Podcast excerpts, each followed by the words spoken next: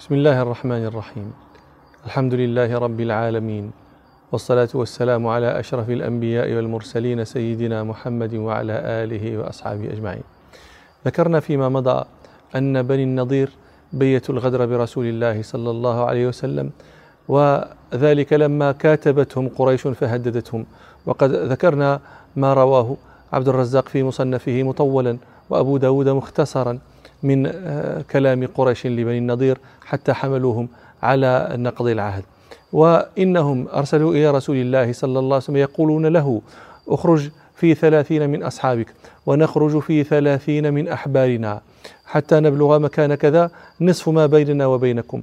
فإن آمنوا بك آمنا كلنا. فخرجوا في ثلاثين من أحبارهم وخرج رسول الله صلى الله عليه وسلم في ثلاثين من أصحابه. فلما كانوا في برازل من الطريق. قال بعضهم لبعض كيف آه، تخلصون إليه؟ ومعه ثلاثون رجلا من أصحابه كلهم يحب أن يموت قبله. فأرسلوا إليه صلى الله عليه وسلم يقولون له كيف تفهم ونفهم نحن ستون رجلا. اخرج إلينا في ثلاثة من أصحابك ونخرج إليك في ثلاثة من أحبارنا. فتكلمهم فإن آمنوا بك وصدقوك آمنا بك كلنا. ففعل النبي صلى الله عليه وسلم خرج في ثلاثة من أصحابه وخرجوا في ثلاثة من أحبارهم مشتملين على الخناجر. يريدون الفتك برسول الله صلى الله عليه وسلم فبعثت امرأة ناصحة من بني النضير إلى بني أخيها وأخوها رجل مسلم من الأنصار. تخبره بما بيتته بنو النضير من الغدر برسول الله صلى الله عليه وسلم والفتك به. فجاء أخوها مسرعا حتى أدرك رسول الله صلى الله عليه وسلم قبل أن يصل إليهم فأخبره الخبر فرجع رسول الله صلى الله عليه وسلم فلما كان من الغد أقبل إليهم صلى الله عليه وسلم بالكتائب فحاصرهم. هذا سبب يذكره من ذكرت لكم. عبد الرزاق في مصنفه آه، وأبو داود أيضا أشار إليه. والذي يذكره جماهير أهل السير والمغازي أن رسول الله صلى الله عليه وسلم أتاهم يستعينهم في دية قتيلين معاهدين قتلهم آه، عمرو بن أمية الضمري.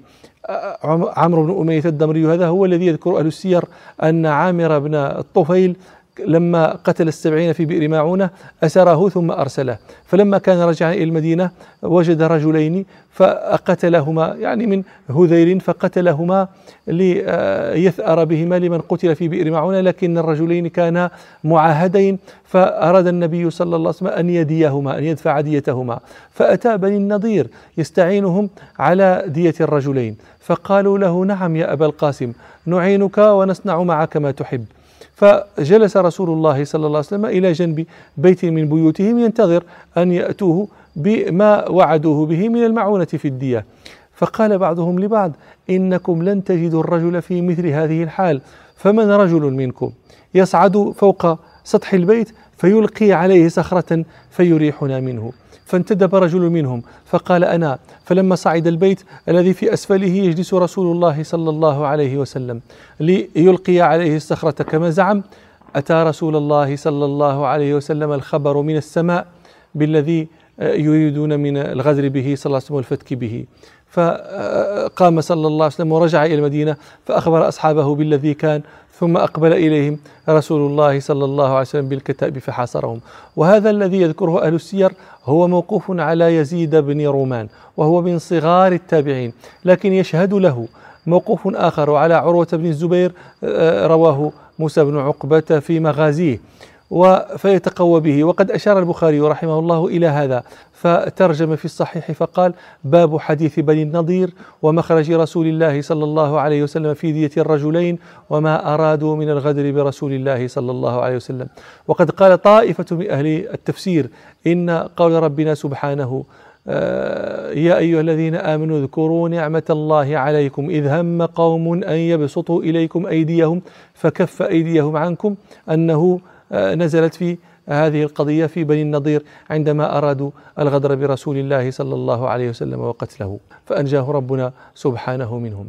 فهذان السببان اللذان يذكرهما العلماء في سبب آه، غزوة بني النضير. وأيما كان سواء أكان السبب الأول أو السبب الثاني فكل واحد منهما منفردا كاف بأن ينقض عهدهم وينبذ إليهم وكيف وقد كان منهم غير ذلك قبل ذلك. فقد آه، جاء أبو سفيان إلى سلام بن مشكم ويقال سلام بن مشكم ضبط بالوجهين. أعان أبا سفيان حين جاء في أعقاب غزوة بدر ويريد الإغارة على طرف المدينة فذكر له خبر القوم وترتب على ذلك قتل رجل من الأنصار وحليف له. وكان كعب بن الأشرف وهو أيضا سيد من سادتهم. فكان يحرض على رسول الله صلى الله عليه وسلم يحرض قريشا وسائر القبائل على المسلمين وعلى النبي صلى الله عليه وسلم. وكان شاعرا فكان يؤذي رسول الله صلى الله عليه وسلم بشعره وكان يشبب بالمسلمات فيؤذيهن. فكل واحد من هذه الأسباب الأربعة منفردا.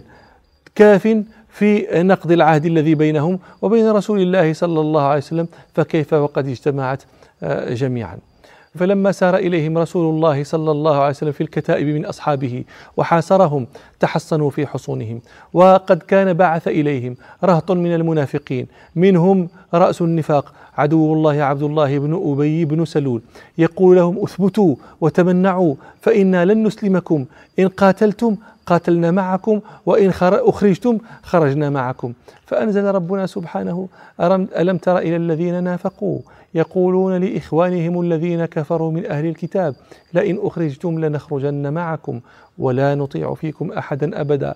وإن قتلتم لننصرنكم والله يشهد إنهم لكاذبون. لئن أخرجوا لا يخرجون معهم ولئن قتلوا لا ينصرونهم ولئن نصروهم ليولن الأدبار ثم لا ينصرون. روى الطبري في تفسيره عن ابن عباس رضي الله عنهما في هذه الآية في قول ربنا ألم تر إلى الذين نافقوا؟ قال هم عبد الله بن أبي بن سلول ومن كان معه من المنافقين على مثل أمره. يقولون لإخوانهم الذين كفروا من أهل الكتاب هم بنو النضير لئن أخرجتم لنخرجن معكم ولا نطيع فيكم أحدا أبدا لا نطيع أحدا في خذلانكم وترك نصرتكم. وإن قتلتم لننصرنكم إن قاتلكم محمد وأصحابه صلى الله عليه وسلم وأصحابه جئنا ونصرناكم ولم نسلمكم. فكذبهم ربنا سبحانه. والله يشهد إنهم لكاذبون. لئن أخرجوا لا يخرجون معهم ولئن قتلوا لا ينصرونهم ولئن نصروهم ليولن الأدبار ثم لا ينصرون. ثم أمر رسول الله صلى الله عليه وسلم بحرق نخيلهم وقطعها. روى البخاري ومسلم في صحيحيهما. عن ابن عمر رضي الله عنهما قال حرق رسول الله صلى الله عليه وسلم نخل بني النضير وقطع وهي البويرة. البويرة هو مكان معروف كان فيه نخيل بني النضير ولها يقول حسان وهان على سارات بني لؤي حريق بالبويرة مستطير وحينئذ نزل قول ربنا سبحانه ما قطعتم من لينة اللينة النخلة ما قطعتم من لينة أو تركتموها قائمة على أصولها فبإذن الله وليخزي الفاسقين ثم قذف ربنا سبحانه في قلوبهم الرعب وعلموا أن حصونهم لن تمنعهم وأيقنوا أن المنافقين لن ينصروهم كما واعدوهم فعند ذلك صالحوا رسول الله صلى الله عليه وسلم على أن يخرجوا من المدينة على أن يحملوا ما قدروا عليه من متاعهم وأموالهم إلا السلاح. روى البخاري ومسلم في صحيحيهما عن عبد الله بن عمر رضي الله عنهما قال: حاربت قريضة والنضير رسول الله صلى الله عليه وسلم فأجل النضير. وسيأتي الكلام عن صنيعه صلى الله عليه وسلم بقريضة وروى الحاكم في مستدركه عن عائشة رضي الله عنها قالت فحاصرهم رسول الله صلى الله عليه وسلم حتى نزلوا على الجلاء على أن لهم ما أقلت إبلهم من من المتاع والأموال إلا الحلقة يعني السلاح. ثم أنزل ربنا سبحانه سورة الحشر.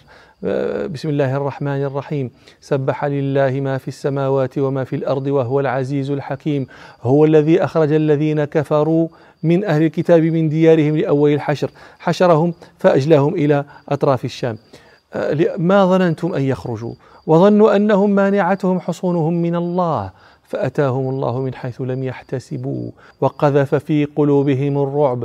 يخربون بيوتهم بيوتهم قراءة بأيديهم وأيدي المؤمنين. يخربون بيوتهم لأنهم شرطوا أن يحملوا ما استطاعوا من المتاع. فكانوا ينزعون الخشب ويخلعون العمود. فيحملونه ولصنع ذلك احتاجوا أن يخربوا بيوتهم بأيديهم. ويخربها المؤمنون أيضا من خارج فهم يخربونها من داخل والمؤمنون يخربونها من من من خارج. فقال ربنا سبحانه يخربون بيوتهم بيوتهم بأيديهم وأيدي المؤمنين. فاعتبروا يا أولي الأبصار.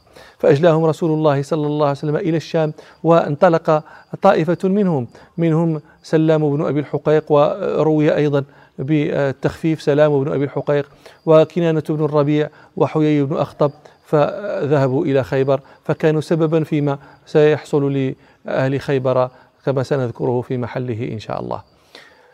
قلنا لما ذكرنا أسباب غزوة بني النضير وأنهم أرادوا الفتك برسول الله صلى الله عليه وسلم فبعثت امرأة ناصحة من بني النضير إلى بني إخوتها وكان أخوها رجلا مسلما من الأنصار.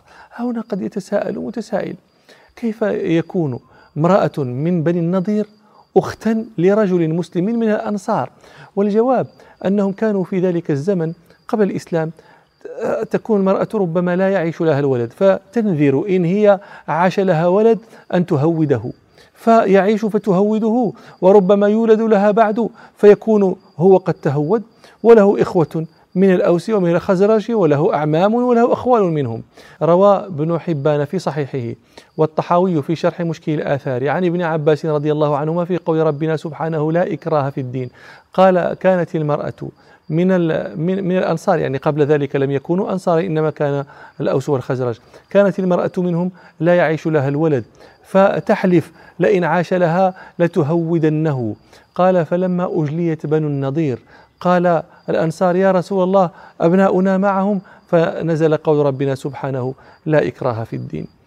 وفي رواية عند الطحاوي أن الأنصار قالت يا رسول الله إخواننا وأبناؤنا معهم. فسكت رسول الله صلى الله عليه وسلم فأنزل ربنا سبحانه قوله لا إكراه في الدين. قد تبين الرشد من الغي فقال صلى الله عليه وسلم خيروهم فإن اختاروكم فهم منكم وإن اختاروهم فهم منهم.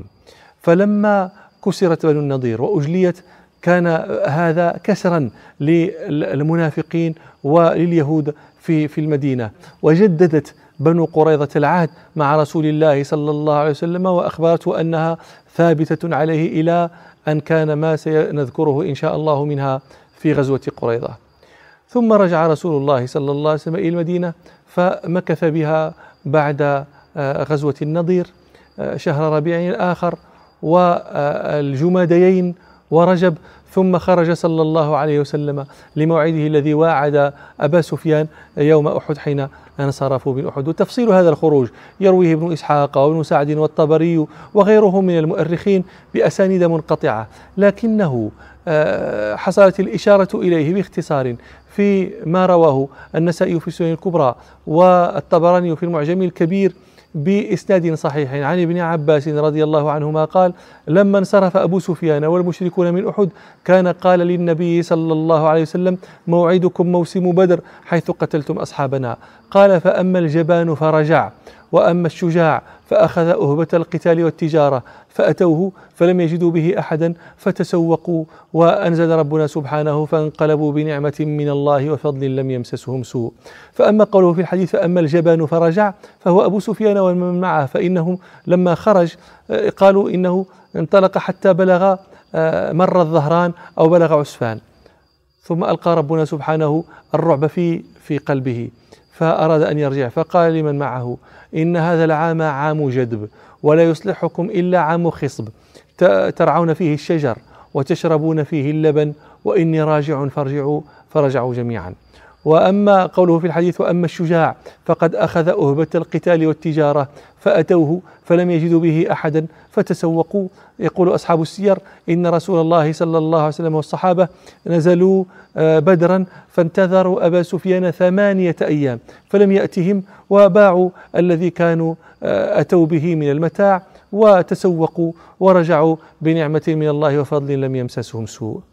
وفي ذلك يقول عبد الله بن رواحة رضي الله عنه ويقال الأبيات لكعب بن مالك وعدنا أبا سفيان بدرا فلم نجد لميعاده صدقا وما كان وافيا فأقسم لو وافيتنا فلقيتنا لأبت ذميما وافتقدت المواليا تركنا به أوصال عتبة وابنه وعمرا أبا جهل تركناه ثاويا عصيتم رسول الله أف لدينكم وأمركم السيء الذي كان غاويا فإني وإن عنفتموني لقائل فدا لرسول الله أهلي وماليا صلى الله عليه وسلم. أطعناه لم نعدله فينا بغيره شهابا لنا في ظلمة الليل هاديا صلى الله عليه وسلم. وبعد مضي شهرين من غزوة بدر الموعد في شوال من السنة نفسها من السنة الرابعة للهجرة تزوج رسول الله صلى الله عليه وسلم أم سلمة رضي الله عنها واسمها هند. بنت أبي أمية بن المغيرة بن عبد الله بن عمر بن مخزوم المخزومية القرشية كانت من أجمل نساء زمانها وهي مشهورة بكنيتها أم سلمة. وكان أبوها أبو أمية بن المغيرة يلقب زاد الركب. كان أحد أجواد العرب المشهورين. لقب زاد الركب لأنه إذا كان في سفر في ركب معه رهط من الناس معه طائفة منهم ليس أحد منهم يحتاج أن يحمل معه زادا لأنه هو زاد لهم يقوتهم ويغنيهم. وكانت رضي الله عنها تحت ابن عمها أبي سلمة فأصيب بأحد بجراحة فمات منها. فلما انقضت عدتها تزوجها رسول الله صلى الله عليه وسلم وكانت تنوي أن لا تفعل.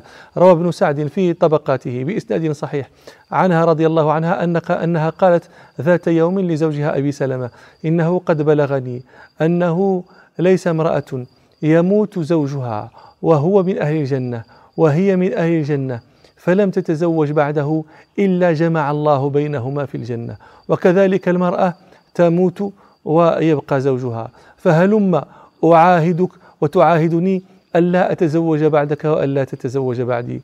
فقال لها أبو سلمة رضي الله عنه أو تطيعينني؟ قالت ما استأمرتك إلا وأنا أريد أن أطيعك. فقال لها تزوجي. ثم دعا ربه دعوة أخبركم بها في حلقة قادمة إن شاء الله. سبحانك اللهم وبحمدك أشهد أن لا إله إلا أنت أستغفرك وأتوب إليك والحمد لله رب العالمين.